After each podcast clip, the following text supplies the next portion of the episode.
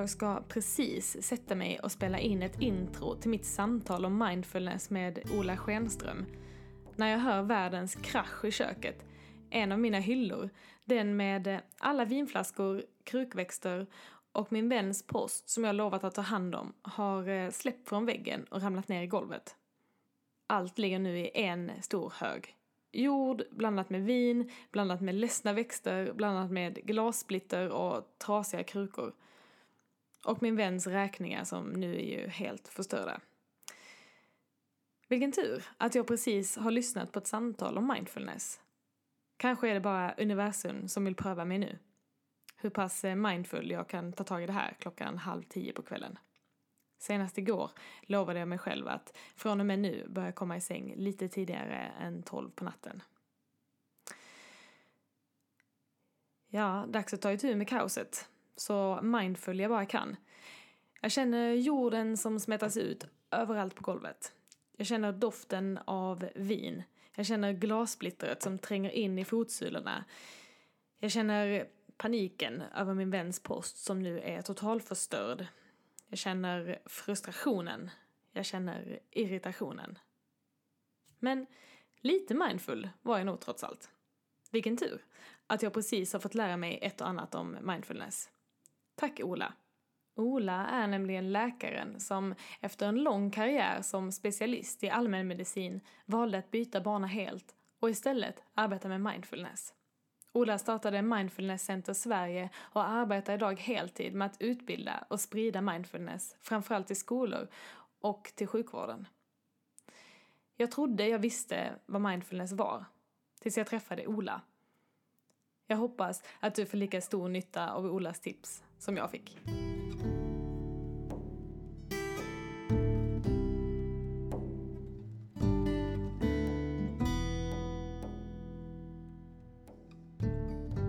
Välkommen till eh, Yogadoktorns podd.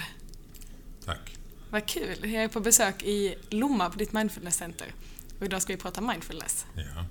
Ja. Kan inte du presentera dig själv för de som inte känner dig? Ja, jag är läkare sedan många år tillbaka, allmänläkare. Mm.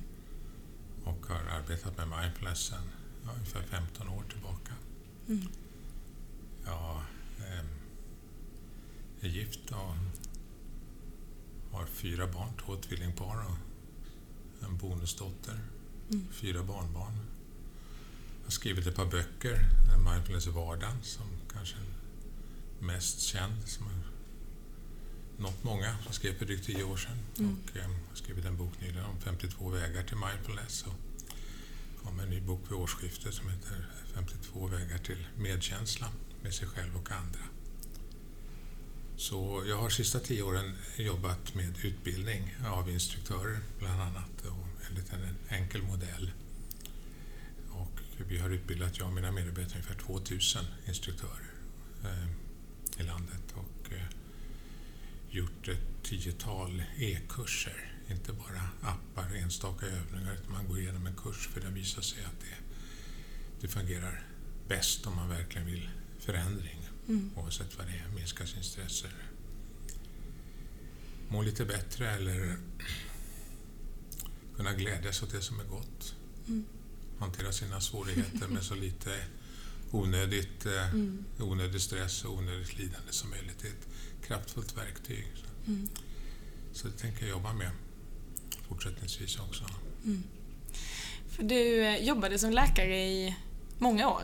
Eh, Ja. Primärvårdsläkare, eller hur? Ja, jag är allmänläkare och har varit verksamhetschef under ett par decennier och alltid sökt eh, olika verktyg Mm. för att ge till mina patienter för att hantera livet egentligen.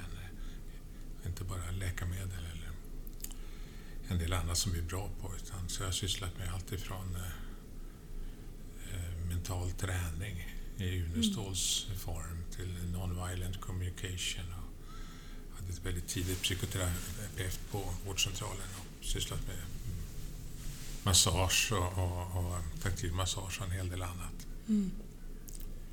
Och med mindfulness då sedan 15 år tillbaka. Mm. Och vad var det som fick dig att intressera dig för mindfulness? Ja, jag hade eh, jag åker regelbundet på retreater till Klippiga bergen i Kanada och eh, har gjort det sedan 95. Mm. Eh, och vi är en liten grupp där som träffas eh, nästan årligen och mediterar och tittar på våra liv och mm. vad vårt livs syfte är och försöker bli så klara över det som möjligt för att gå vidare och se mm. hur kan vi verkligen bidra till livet. Så jag hade en, en förkunskap när min fru kom hem, hon är psykiater. Mm någon gång 2002, 2003 hade gått en kurs i KBT. Och eh, då kom de första studierna som visade att eh, mindfulness-baserad kognitiv terapi eh, kunde minska risken för återfall i depression med ungefär hälften eh, för de som hade återkommande depressioner.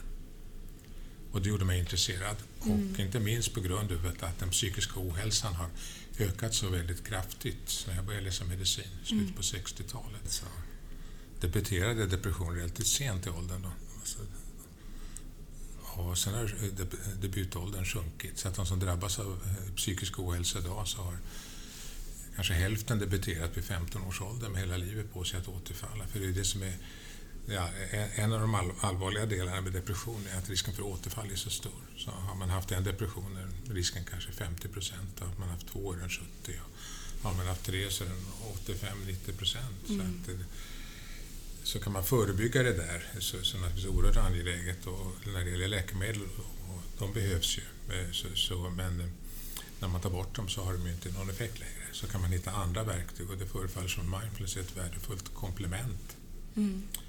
Eh, till, till läkemedel.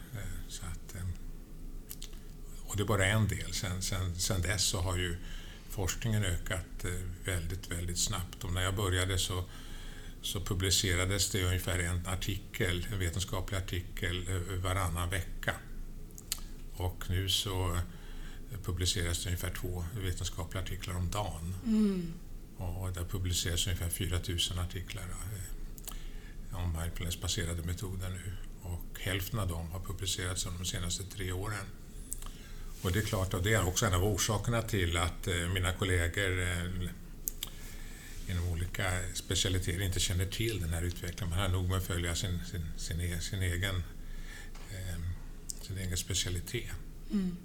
Så det är också en viktig uppgift för oss och för mig och för andra som jobbar med mindfulness, att sprida den kunskap som finns. Mm. Och vi hade nu också i, vår, i våras till exempel ett, eh, en tisdagssammankomst på eh, Svenska Läkaresällskapet i Stockholm mm. Eh, som finns att se på, på webben. Ni kan gå mm. in där och titta på mindfulness inom medicinen kan ni gå in på Läkarsällskapets hemsida mm. och leta rätt på symposium där vi tittar på bland annat vid psykisk ohälsa, vid bröstcancer, vid graviditet, för att förebygga utmattning och också vid hjärtsvikt. Mm. Så att det kommer inom en mängd olika områden just som ett, som ett komplement och inte minst för att öka livskvaliteten och och minska oro och stress och, och nedstämdhet hos stora patientgrupper egentligen. Ehm, så att det har verkligen sin plats i, i, i vården. Men alla som drabbas av sjukdom blir ju oroliga. Vissa mer än andra. Vissa kan mm. hantera det där bra eh, i hög, och hög utsträckning själva. Det har jag ju sett som läkare under mer än 35 år. Medan andra då oroar sig väldigt, väldigt mycket för vad som eventuellt ska komma sen och mm. naturligtvis påverkar det också närstående och, mm. omgivningen överhuvudtaget. Mm. Så till den grad att vissa får avsevärt sämre livskvalitet. Så mindfulness hjälper oss att komma tillbaka till nuet. Vi kan inte göra någonting åt att vårt sinne skap som det är, att det reser i tiden. Mm. Men vi kan, vi kan med medvetenhet om mindfulness-träning bli med, se när vår uppmärksamhet dras iväg framåt i tiden, när vi är för oroliga och då har verktyg att hantera det. Och komma tillbaka. Och komma tillbaka till det som är mm. nu.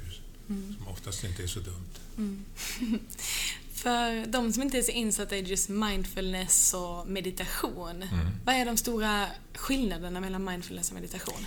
Ja, man kan säga att eh, för det första är mindfulness någonting som vi redan har, mm. som vi som människor, i meningen att det går inte att förklara exakt vad det är ord vad mindfulness är, man måste prova själv.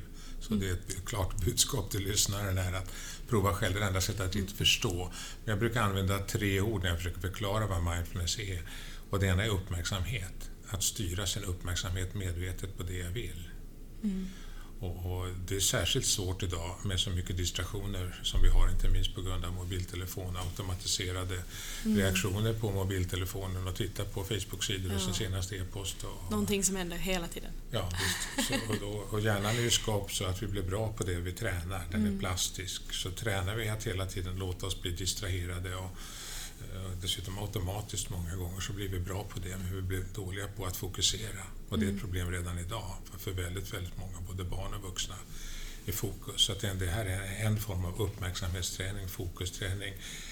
Och, och det svåra är egentligen inte att rikta uppmärksamheten, det svåra är att hålla, hålla, hålla kvar den. Mm. Och det här är en träning med det med, genom ganska enkla medel faktiskt. Så, mm. så ett ord är uppmärksamhetsträning och en annan är eh, medvetenhet. Mm. Medvetenhet om var i tiden jag har min uppmärksamhet till exempel. Mm. Är jag i framtiden nu? Är jag i det förflutna? Eller är jag verkligen här och nu? Och i vilken utsträckning är jag här och nu? Eh, mm. Eh, det är bara delvis här och nu. Men ändå mm. samtidigt på väg åt, åt någonting annat, något, ja. något nästa. Det är lätt att vara på jobbet men ändå inte vara på jobbet. Ja, eller hemma och vara på jobbet ja. ändå. Så det cirkulerar i huvudet. Och det är så mm. vårt sinne är, är skapt. Och är vi här och nu så är frågan om har jag min uppmärksamhet riktad utåt via mm. våra fem sinnen, syn och hörsel framför allt, men också smak, lukt och beröring beroende på den situation jag är i. Eller den mera svårare delen av mindfulness-träningen, det riktar uppmärksamheten inåt, inåt, på mina tankar medan jag tänker. Alltså en unik mänsklig förmåga. Och, på mina, och vad känner jag just nu? Och, kunna sätta ord på det, bli medveten om vad det är så att jag inte blir lika reaktiv, inte handlar så automatiskt på vad som sker, mm. utan kan se att jag har ett val. Och inte minst alldeles särskilt lyssna på kroppen, det som du mm. jobbar så mycket med genom yoga, yoga. Och, och dans, alltså kroppsmedvetenhet som är låg, skulle jag vilja säga, i västvärlden generellt. Mm. Om man nu inte dansar. eller, ja, så beror det på hur man yogar också, vilken medvetenhet man har i yoga. Absolut. Så, att, så kroppen spelar väldigt stor roll. Jag, har, jag skrev en bok tillsammans med Martin Krauke som är präst 2001 eh, om utmattning, så jag jobbar väldigt mycket med utmattade mm. och någonting som kännetecknar utmattade är att man inte har lyssnat på sin kropp. Nej. Utan man kör bara över den. Man kör på på. Kör, kör på på. Trots att man har spänningar, man har sömnstörningar och då är man mm. redan på väg in i utmattning i värsta fall. Mm. Så, så, att lyssna på kroppen spelar väldigt eh, stor roll och därför så är jag glad åt den forskning som du själv mm. jobbar med för att komma in tidigt bland, bland eh, flickor som, som har eh, mm. med magbesvär. Mm. Öka sin medvetenhet, kunna tolka signalerna på rätt sätt också, inte övertolka dem heller å andra sidan så att man blir mm. fast i dem. Utan kunna ha lite distans och observera distans. Så uppmärksamhet och medvetenhet och ett tredje ord eh, jag brukar använda är medkänsla. Mm. Mindfulness är inte någon mekaniskt, något kallt, eh, egentligen inte en metod utan mer ett förhållningssätt som också går ut på att inte döma sig själv och andra. Mm. Utan på ett vänligt och mjukt sätt och varsamt sätt och mot sig själv och även mot andra. Det svåraste är faktiskt att vara mot sig själv. Mot sig själv. Ofta är vi snällare med andra än vad vi är mot oss själva. Så det här är ett sätt mm. att se på sig själv med lite vänligare ögon. Sen kan man träna medkänsla mer specifikt eh, också med olika övningar. Det är inbyggt i själva mindfulness-träningen. Att mm. det är mm. okej okay som det är. Mm. Att jag är okej. Okay. Mm. det låter ju enkelt men det, det behöver tränas upp, den synen. För att den sitter djupt oftast. Vi har vår inre kritiker som är på oss och vill oss mm. väl egentligen men som skapar ofta mer problem än mm. den gör för mindfulness handlar på sätt och vis också om att bli medveten om sina tankar och mm. kanske kunna styra sina tankar. Och varför är det så viktigt att kunna det? Hur påverkas vi av alltså, vad vi tänker?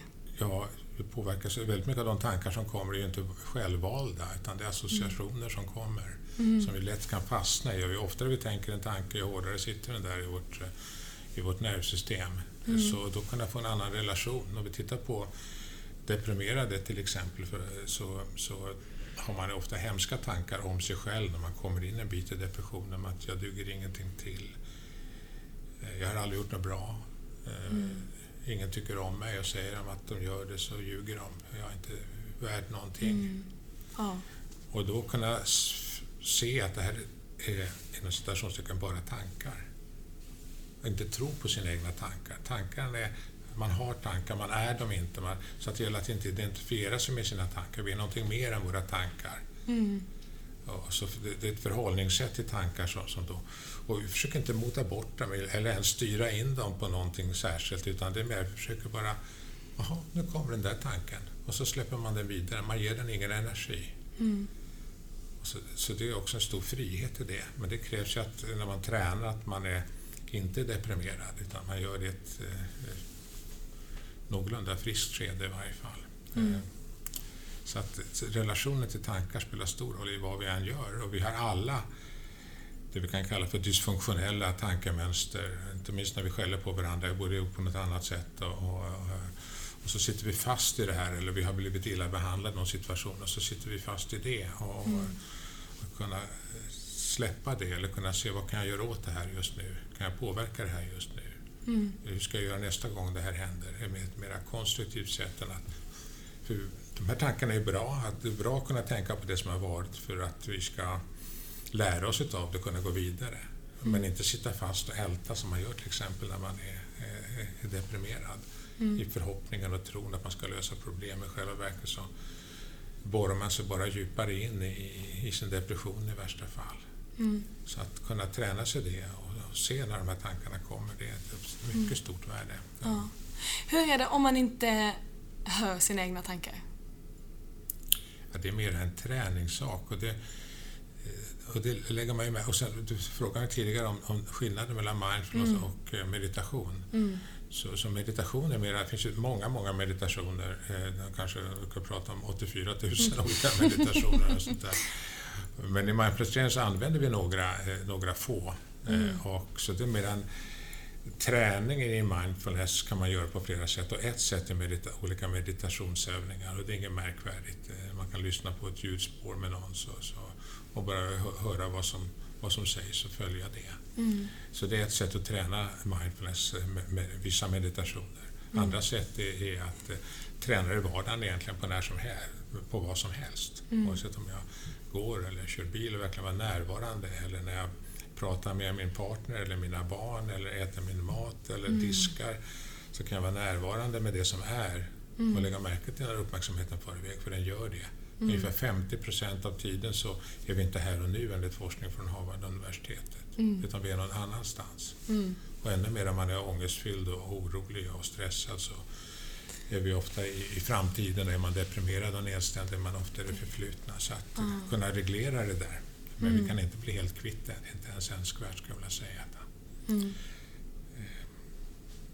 Så det är så, så, så hjärnan fungerar, så det är också en medvetenhet om hur vi fungerar som människor som egentligen borde in i skolan för att förstå hur vi konstruerar det. Mm. Vad, vad säger forskningen om mindfulness? Vad händer i hjärnan och kroppen när vi övar mindfulness? Ja, alltså, s- som jag berörde tidigare så är hjärnan plastisk och den är Mm. formbar. Och den formas bland annat av var, vi har, var vi har vår uppmärksamhet. Och ju skarpare uppmärksamheten är, ju mer händer det på Mm. synapsnivå, alltså mellan de olika nervcellerna. Då förstärks de här kopplingarna. Så till den grad att man kan se områden till exempel som har med eh, kroppsmedvetenhet så kan man se ett område i hjärnan som, som blir större Mm. utav det. Precis som man kan se på, på eh, violinister med den hand de gör de här fina övningarna med, med vänster eller höger hand beroende på om man är vänster eller högerhänt. Så, så växer det området, det blir större. Man får en ansamling av eh, grå celler och, och kopplingar mellan dem. Mm. Så, så att man kan se det på magnetröntgen. Och samma sak gäller eh, fokus och koncentrationsövningar. Mm.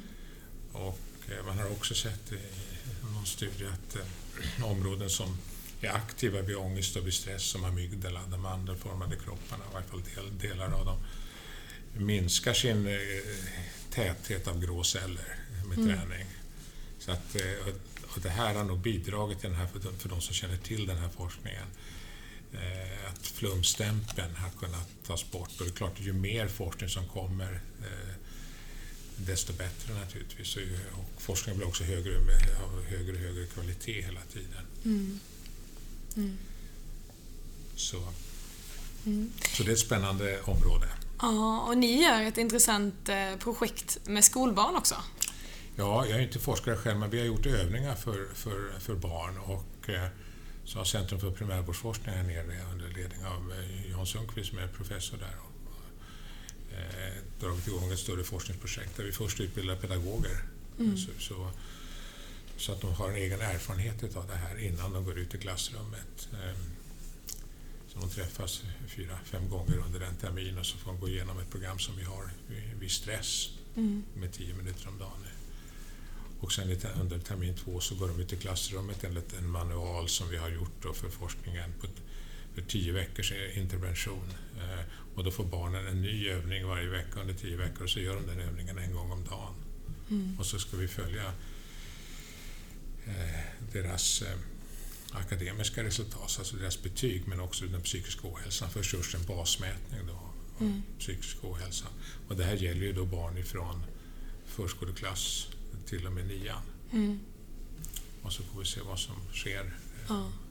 ska de följas under, under, under fler, tid. flertal år, kanske ja. upp till tio år, och se genom wow. olika register och annat och se om det, en sån här tidig intervention kan, kan bidra. Ja. Jag vet inte exakt om det här är rätt modell eller så. Helst skulle man ju vilja att de fortsatte, att det var en integrerad del i skolan, precis som jag sen skulle, skulle vara under till exempel eh, läkarutbildningen. Mm. För att eh, eh ha kurser för ST-läkare i, i, som en del i en ledarskapsutbildning. Här. Mm. Det är klart att det är tufft att vara ST-läkare. Det, mm. det, det, är med jourer och ofta är man ju har man småbarn och, och mm. Eh, ska göra karriär och vissa forskare och det, mm. det, är svårt att få livet att gå ihop. Och, ja.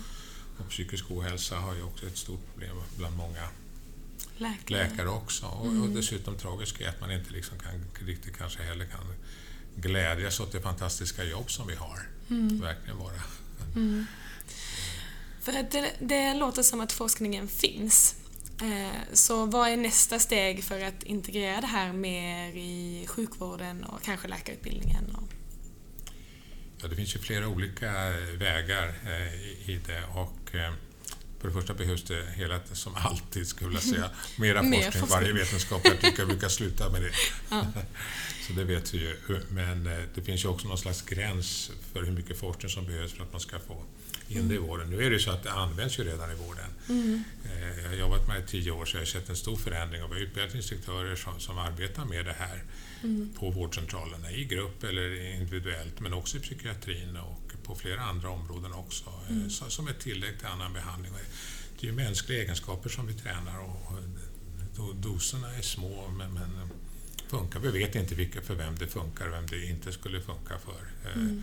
Det är så med alla, med alla RCTs, eller randomiserade kontrollerade studier, de är på gruppnivå. Mm. Så man tittar väl på det. Men, så forskning är en del, den annan är ju ett eh, politiskt eh, intresse och det börjar ju komma. Här i Skåne så har man ju beslutat nu på, på regionnivå att satsa på utbildning av instruktörer på, på Skånes eh, vårdcentraler. Det är ungefär 150 stycken och det finns väl tusen i landet. Mm. Så att, och ju fler som provar på eh, desto bättre. Därför mm. att eh, de kommer ofta tillbaka till doktorn till exempel och mår bättre än vad de har gjort länge. Och att det, det är ett kraftfullt verktyg, det är verkligen det. Mm. För, för, för, väldigt många i varje fall, inte alla, men för väldigt många. Mm.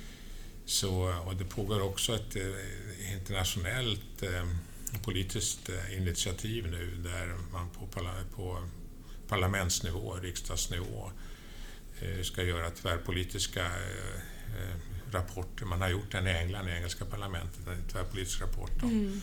om vad som skulle krävas för att få in mindfulness i skolan eller i sjukvården eller i fängelse för övrigt. Mm. Visat att det fungerar mm. där också för att minska Som stress och Som vi snart kommer att prata mer om i podden också. Okay. I ett annat avsnitt. Ja. en liten parentes, en hint för framtiden. Ja, ja fortsätt. Så, så det, det, är väl att eh, nöta på, men det finns mm. mycket motstånd eh, fortfarande och mycket okunskap också mm. på, på, på alla nivåer egentligen. Mm. Eh, och, eh, det vi inte vet någonting om, där fyller vi själva. Det är lite grann så vårt sinne fungerar. Att, eh, mm. Det tycker inte om ovisshet och då, då, då vet vi ändå, så att säga. Så, mm. Så det är bara att jobba på. Ju mer som skrivs och ju mer som pratar, ju fler som får erfarenhet av det. Mm. Därför att det förändrar många människors liv. Det mm. har jag ju sett ja. på egen hand genom de flera tusen vi har utbildat till exempel. Mm. om vi backar bandet så här till tio år sedan när ni började med detta, Mm. eller ännu längre sedan, eh, och hur det såg ut i kombination med läkaryrket och hur, vilken plats det fick inom sjukvården jämfört med nu. Mm. Vad är den största förändringen tycker du? Ja, det är att många fler har prövat på det i vården. Jag började då när jag var uppe i Norrbotten för 15 år sedan eh, snart. Eh, och det var ju en stor, stor skepsis. Och, eh, det var inte så många som visste vad det var. Men vi kombinerade det med kognitiv samtalsmetodik, med mindfulness. Så att det gjorde det lite mera rumsrent då. Så dess är är det ju en enorm skillnad. Eh, och jag tror, och det har ju också varit väldigt mycket skriverier i, i, tidningarna, både dags och, och veckopress. Och, eh, där kanske man mera har eh, talat om eh, den positiva delen på, när det gäller att ta vara på det goda i livet. Eh, den varma tekoppen och doften av teet. Och det är inget fel i det, men den verkliga styrkan ligger i att kunna möta det som är jobbigt i livet. Eh, och, och inte lägga till, lägga märke till när mina tankar lägger till. Finns fantasier om hur det eventuellt ska bli sen. En del av dem är naturligtvis också legitima. Man behöver förbereda sig för hur det eventuellt kan bli, men inte fastna i det, utan också ta vara på den stund som man har. Eh, Så att, eh, nej, men det, är, en- det är en stor förändring och jag hoppas att det ska bli en ännu större förändring de närmaste eh, tio åren, och jag tror det också.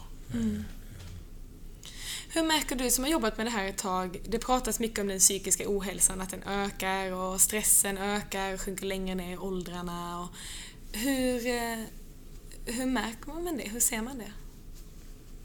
Ja, man kan ju titta på sjuktal eller prata med de människor man har runt omkring sig. Och, och, och, eh, och önskan är ju att, att man får- in det här också på arbetsplatserna eh, på ett, och inte minst inom vården själva som vi pratar om, vår, vår egen eh, läkarkår, för att må bra själva. Ja, men det behövs det, eh, behöver man ha rutiner för det.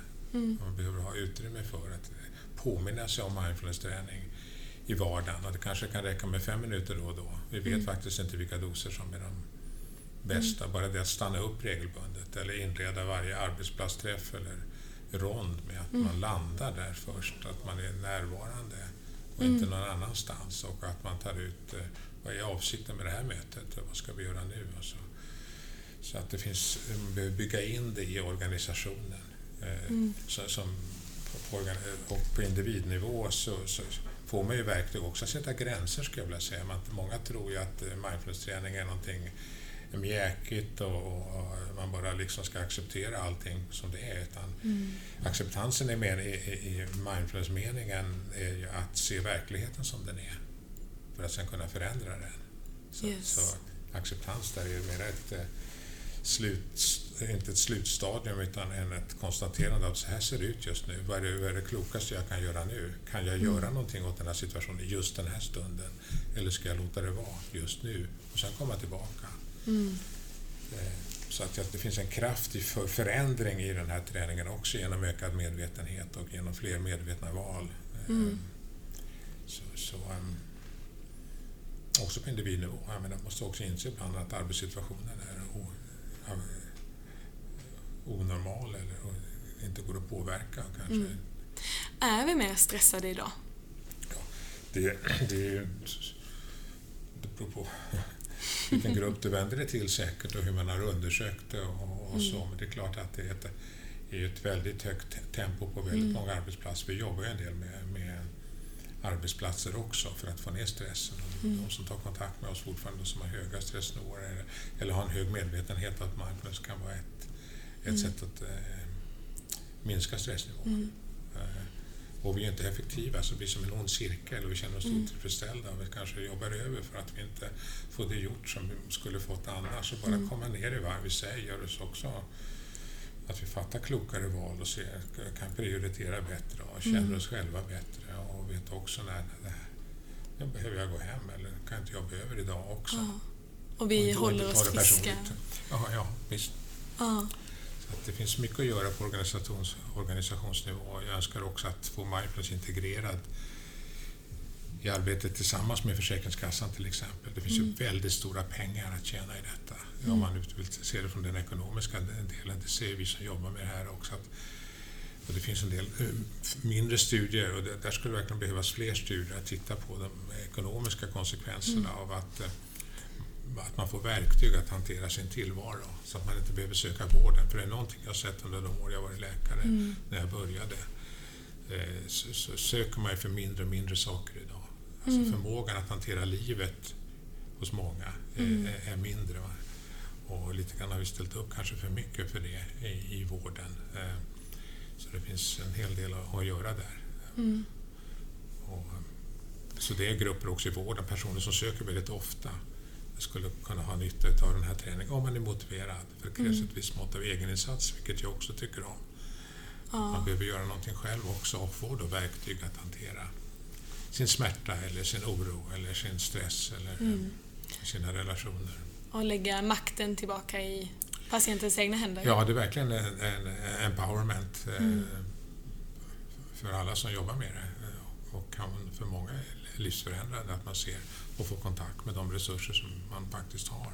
Mm. Och det är också med tanke på hur befolkningspyramiden ser ut. Så det är också något som vi behöver eh, stimulera, att var och en kan mm. mer än vad man vanligtvis tror mm. och med enkla övningar. Mm. Eh, så vi har den här studien för eh, hjärtsviktspatienter. Mm. Det var medelåldern 76 år. så, så, att det är inte för sent att börja. Jag tror många äldre till exempel skulle bara mm. lyssna på kroppsskanning skulle kunna minska sitt behov av sömnmedel till exempel och minska risken för att eh, ackumulation av, av eh, olika preparat eh, yes. ramla och oh. läggas in för höftfrakturer och annat. Så att det finns ju väldigt många områden där man med enkla medel mm. skulle kunna ha nytta av den här träningen. Vad var det man tittade på hos hjärtsviktspatienterna?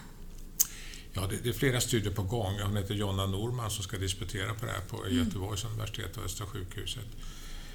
Eh, och hon eh, har i, kunnat visa att eh, man blir mindre trött. Ett stort problem för många hjärtryckspatienter, det finns för 100 000, är ju att, att de inte mår bra. Deras livskvalitet är dåligt, eh, dålig så att de mår, mår mm. betydligt bättre. De blev också eh, mindre yra och mindre andfådda. Wow. Och, och sånt tittar också på de säga, fysiologiska mekanismerna ah. eh, bakom här. Så det har väckt en hel del intresse när vi mm. föreläste om mindfulness på Hjärtläkarnas vårmöte i Stockholm i april. Mm. Det var mm. ett stort intresse. Det var kanske 300 personer där och lyssnade ah. på oss. Så att, det finns många andra. Till, till, och det är lite grann det, det jag vill jobba mer med, att skräddarsy program för olika målgrupper mm. inom medicinen. Så att det finns läkare som har uppe här som är intresserade så, så kan vi med enkla medel göra program som är riktade då till exempel på patienter som har haft hjärtinfarkt till exempel mm. eller eh, har eh, rytmrubbningar mm. eh, olika slag. Vilket bra exempel också på att det inte bara leder till eh, förbättrade psykiskt mående mm utan också kan hjälpa oss att eh, till exempel hjärtsvikt eller hjärtinfarkt som många tänker det är så kroppsligt. Mm. Att det är svåråtkomligt med hjälp av eh, mentala metoder men att det här faktiskt är forskning som visar på den kopplingen och att vi kan må fysiskt bättre av att jobba med våra tankar, vårt psyke och avslappning och ja. sådär. Det finns ju även eh, studier som, och vi vet bara inte vilka doser som behövs där vi påverkar till exempel telomerer. Mm. Eh, alltså de här små delarna som sitter längst ut på eh, våra kromosomer. Mm. Så, så ökar telomeras, alltså enzymet som, som mm. gör att telomererna eh, upprätthålls i varje fall. Så att mm. cellen kan dela sig det antal gånger den är programmerad för. Mm. Så att det finns många sådana här biologiska effekter och vi kommer bara djupare och djupare in i det med, mera, med mer forskning helt enkelt. Mm. Vad tror du att vi behöver mer forskning? Är det på de rent fysiologiska mekanismerna eller är det på patientgrupper och, eller är det dos och metod eller? Ja, det, det mesta är som vanligt eh, och kanske ännu högre än det här outforskat. Men det är också en intressant del, är ju hur, hur eh, vilka doser som behövs. Mm. Och det vet vi faktiskt inte. Mm. Och, för, och det är kanske är olika för olika grupper och, har, och det är inte bara dosen träning, det är också kvaliteten i träning, apropå mm. uppmärksamhet. Och det är möjligt att till exempel vid ADHD mm. så skulle man kunna ha olika nivåer. Två minuter, man ökar på det sen för att träna upp och så mm. vidare. Så att, eh, där famnar vi lite grann i, i, i mörkret. Mm. Jag vet ju att tio minuter om dagen har vi sett eh, mm. flera studier har effekt. Ja, och jag tänker det här är också såklart en färskvara för att vi behöver också träna vårt sinne mm. och träna vår uppmärksamhet. Mm. Men det är också ett verktyg, tänker jag, att när vi väl har lärt oss det, då har vi lätt att komma tillbaka till mm. det. Till skillnad från fysisk aktivitet där vi kanske måste gå och upprätthålla en viss mm. styrkenivå eller kondition. Men det här är mer ett eh, beteende som har förmåga att bli mer långvarigt bara vi mm. väl lär oss det. Och desto ja. yngre vi är när vi lär oss det, desto lättare blir det att ja. faktiskt eh, ha det så resten av sitt liv. Så mm. på ett sätt kan man säga lite, lite skämtsamt att mm. det finns ingen väg tillbaka. Har man gång blivit medveten på en mm. lite högre nivå och även om man inte tränar så har man ändå, vet man att det här är, är lätt att uh, återknyta till. Mm. Men också att man har kommit upp man vet att det lägger märke till mer hos sig själv, till exempel sina automatiska beteenden i förhållande till sin partner eller sina barn eller, mm. eller, eller någonting annat. Eh, så, så, så visst, det är klart att ju mer man tränar eller ju oftare man påminner sig om det, mm. eh, desto bättre. Så att även vardagsövningar har alltså effekt. Det är därför jag skrev en bok om mm. vardagsövningar, 52 vägar till mindfulness, för att påminna mm. sig om det. Mm. Så att, eh, eftersom vi är det då och då. Mm. Det finns ingen människa som inte har varit mindful. Mm. Mm. Intressant.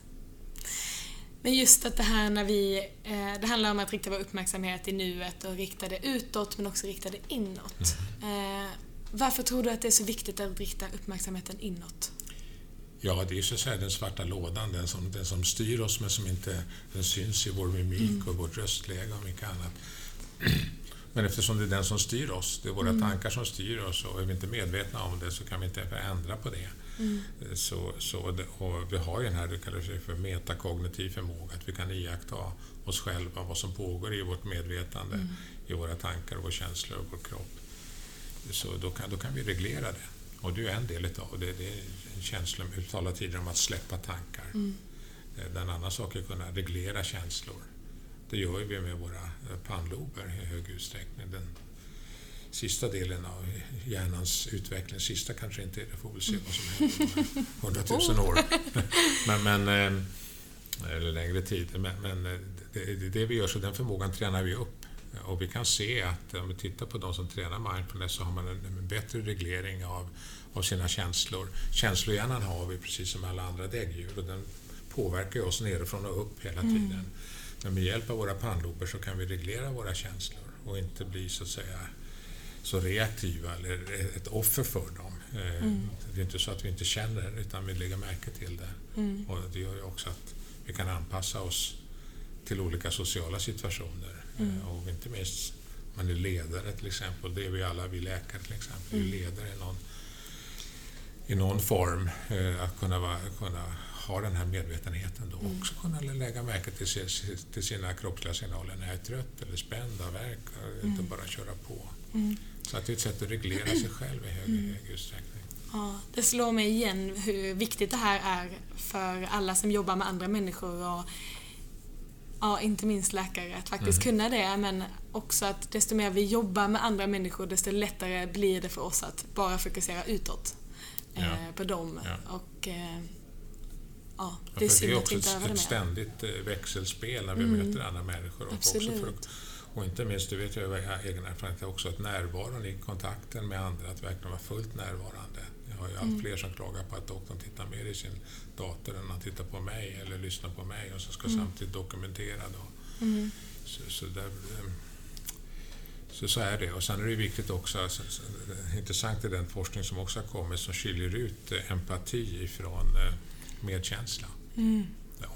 Det, det här är mycket ord också omkring det här så det är viktigt att man vet vad man pratar om. Ja. Men, eh, empati är meningen att, eh, att känna andra, andras lidande som sitt eget. Att i samma mm. eh, områden, smärtområden för, för registrering av smärta som, det, som påverkar mm. mig.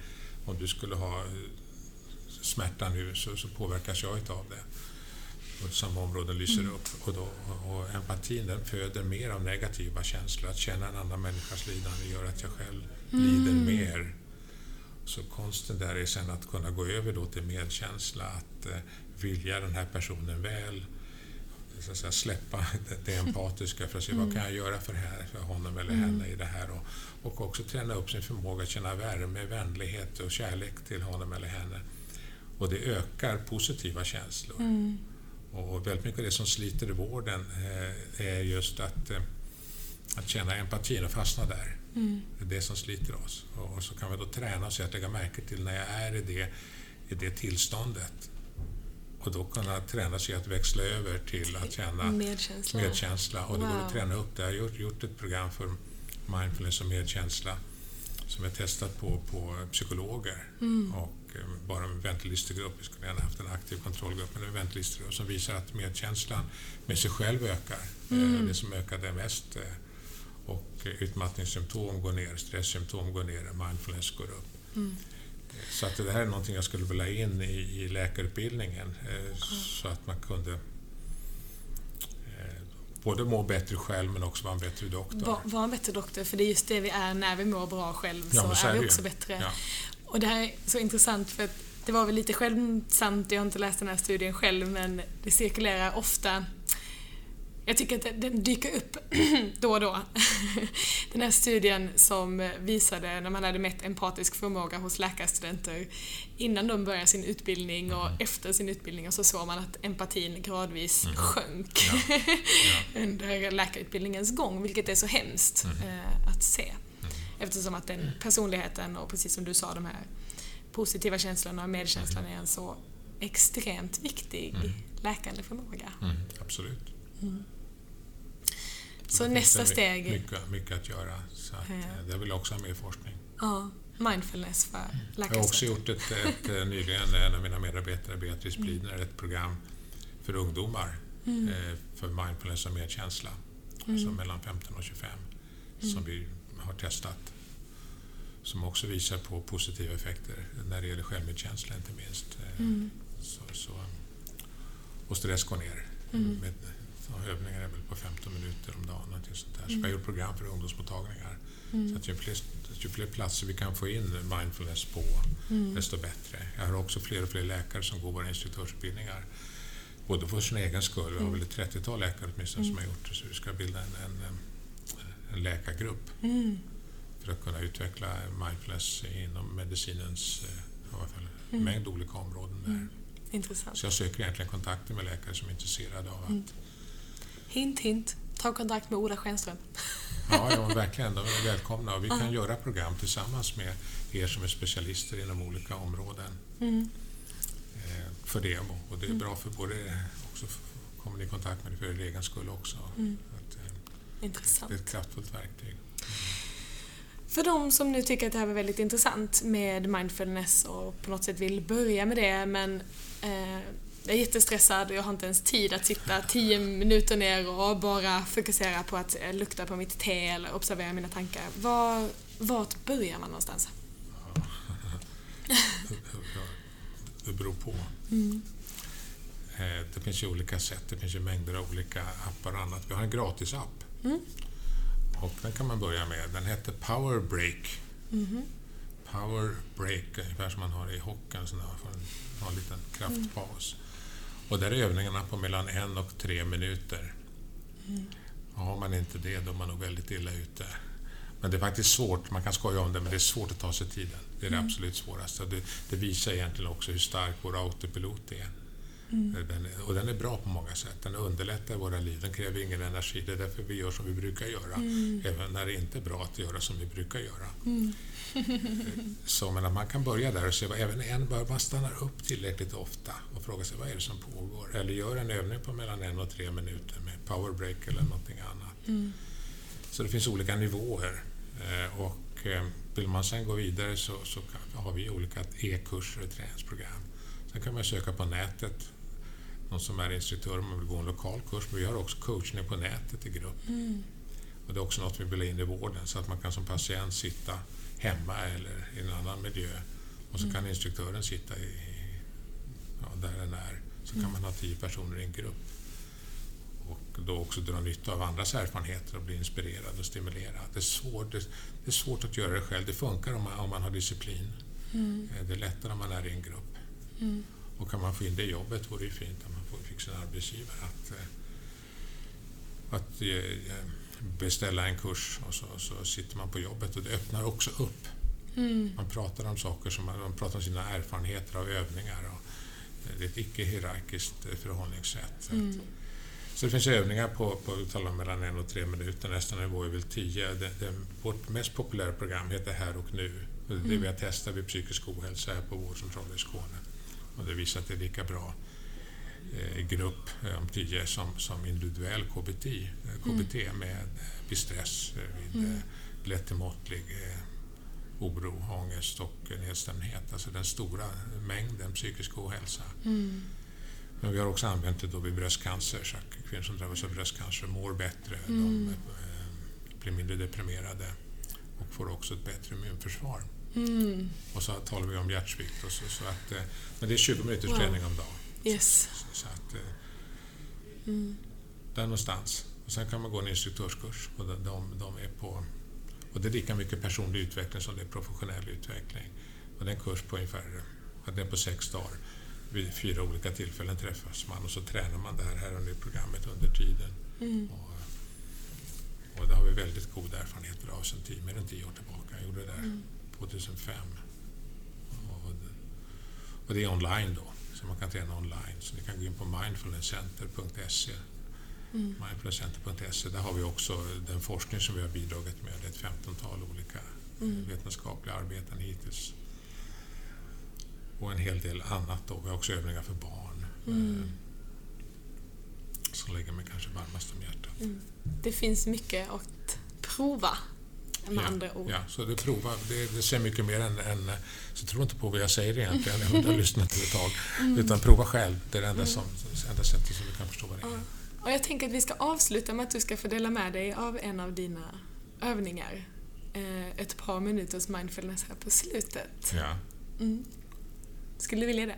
Det kan vi göra. Mm. Och, eh, om du sätter dig på, om du inte redan sitter, så sätt dig på en stol med, med bägge fötterna i golvet.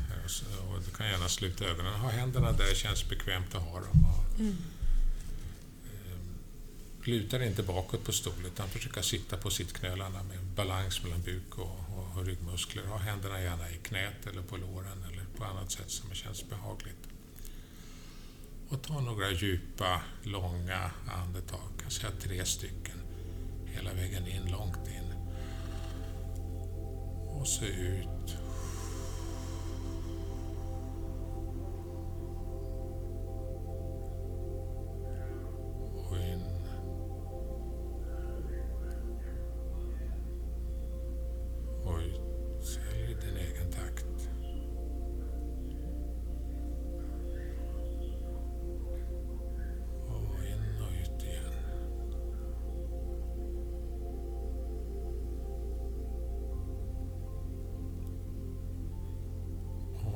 Sen rikta din uppmärksamhet på din kroppskontakt med underlaget och börja med dina fötter, undersidan av dina fötter, undersidan av tårna och känna var det trycker någonstans.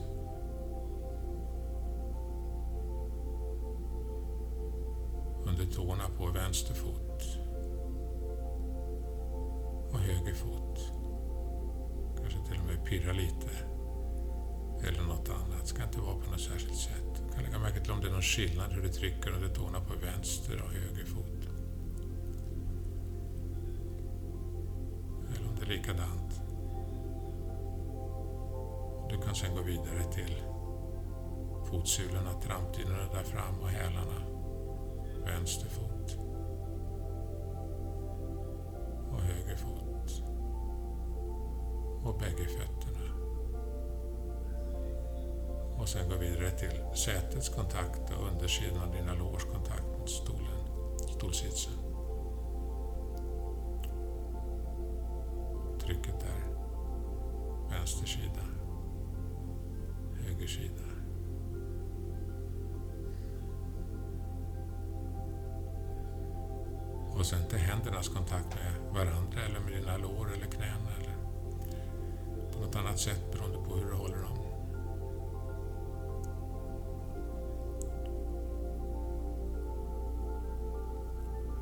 Och se sen om du kan bli medveten om hela din kropp. Ifrån hjässan och huvudet ner till lår och ben och fötter och ut till armar och händer. Hela kroppen och den rymd som kroppen tar i rummet. Bli medveten om hela din kropp.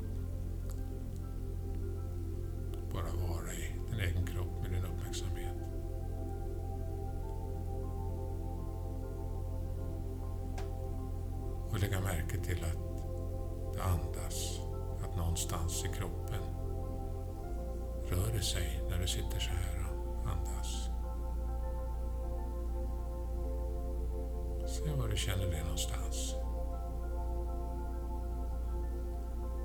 I bukväggen kanske. Spänns ut, sjunker in. Eller i bröstkorgen. Spänns ut, lyfts upp lite. Sjunker in, slappnar av. Eller vid näsan, vid näsborrarna, nästippen.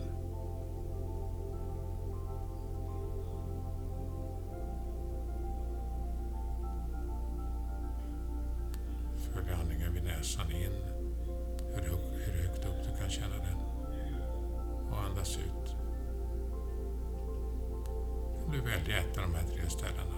Näsa, bröstkorg eller bukvägg. Spelar ingen roll vilket. Och sen du kan ha kvar din uppmärksamhet på det stället.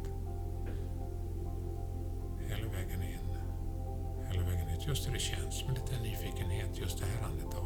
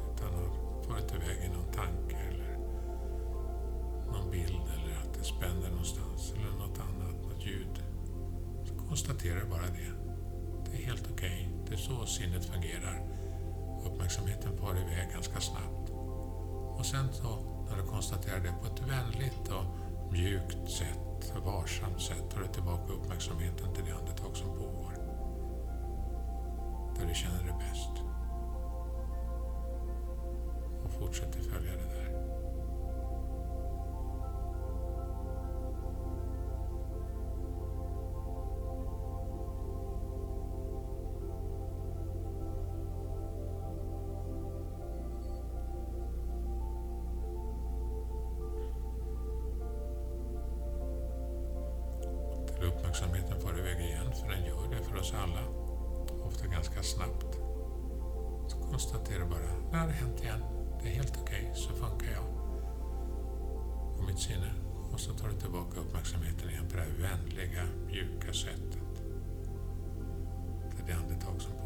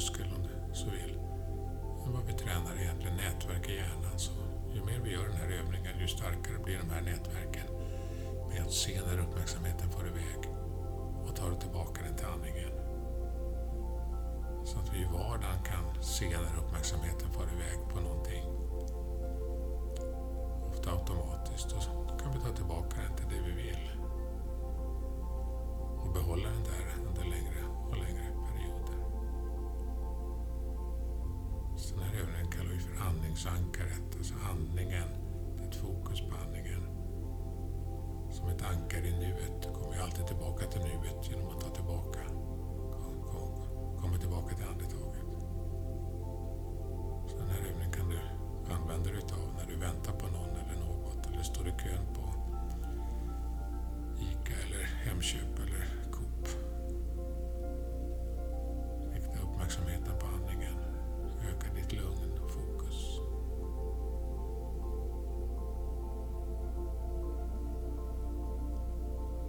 Så jag föreslår att vi tar tre djupa andetag i din egen takt och sen öppnar ögonen.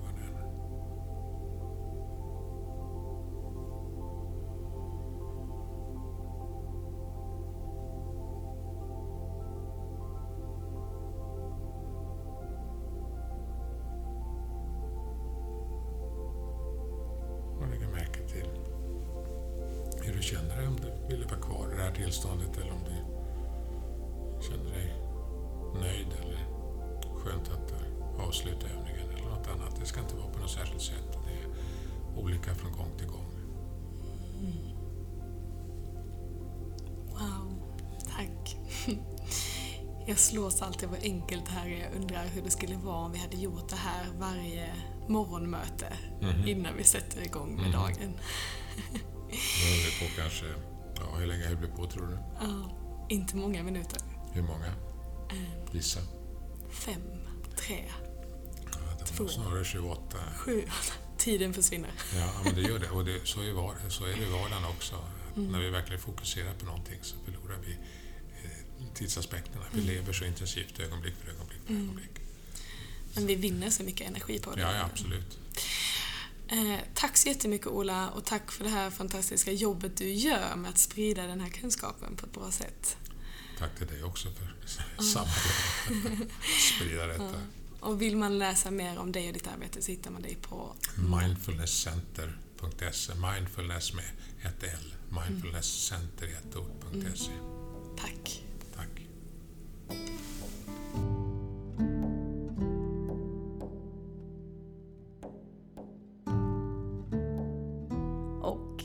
tycker att det är lika löjligt roligt som jag tycker att det är med yoga och medicin och de rent fysiologiska effekterna av yoga, hur vi kan använda yoga för att läka med mera. Så missa inte att jag kommer till Stockholm lördagen den 20 oktober och håller en heldagsworkshop på Göran Bolls yogainstitut från 10 till 16. Så massa yoga och eh, massa tips och eh, tricks. Och eh, så får vi träffas i verkligheten. Gå in på min hemsida www.yogadoktorn.se. Du klickar på schema, du klickar på oktober, 20 oktober och där finns all info om den dagen. Eh, sen givetvis också om du vill följa med till Yoda-festivalen i Stockholm där jag bland annat kommer föreläsa och hålla en workshop tillsammans med massa andra fantastiska lärare från Sverige och Europa. Det blir en hel helg med yoga och meditation och dans och tantra och allt möjligt. Och du kan få ett smörgåsbord av allt det bästa. Och flera av lärarna som har varit i podden hittills kommer du också kunna träffa där. Du kan gå in på www.jordafestival.se. Där finns mer info om det. Och vill du ha lite rabatt på priset så uppger du Jorda Elin när du köper din biljett så får du lite rabatt. Missa inte att du också från och med nu kan stötta mig via Swish. Information om det kommer lite senare om du håller kvar. Ett litet bidrag från dig gör att jag kan fortsätta göra den här podden. Det gör att jag kan fortsätta hålla den här fantastiska ljudkvaliteten. eh, tack vare min eh, producent Johan Bad. Och det hjälper mig också att eh, kunna sprida podden mer för att kunna få in ännu fler intressanta gäster att eh, intervjua. Så eh, med min hand på mitt hjärta ett eh, jättestort tack till dig som vill fortsätta att göra den här podden och det här eh, arbetet möjligt. Tack! Tack Elin och tack Ola för ett fantastiskt avsnitt. Det här är Johan, producent på Yogadoktorn och det stämmer alltså att just nu kan du swisha till oss så att du hjälper oss att göra en bra, reklamfri podcast med ännu bättre ljud och fler trevliga gäster. Det gör ni genom att swisha till telefonnumret 123 21 42 883 och det här numret hittar du även i informationsfältet där du lyssnar på vår podcast. Dela jättegärna podcasten med dina vänner och eh, fortsätt lyssna. Tack för den här veckan och tack för att du lyssnar på Yogadoktorn.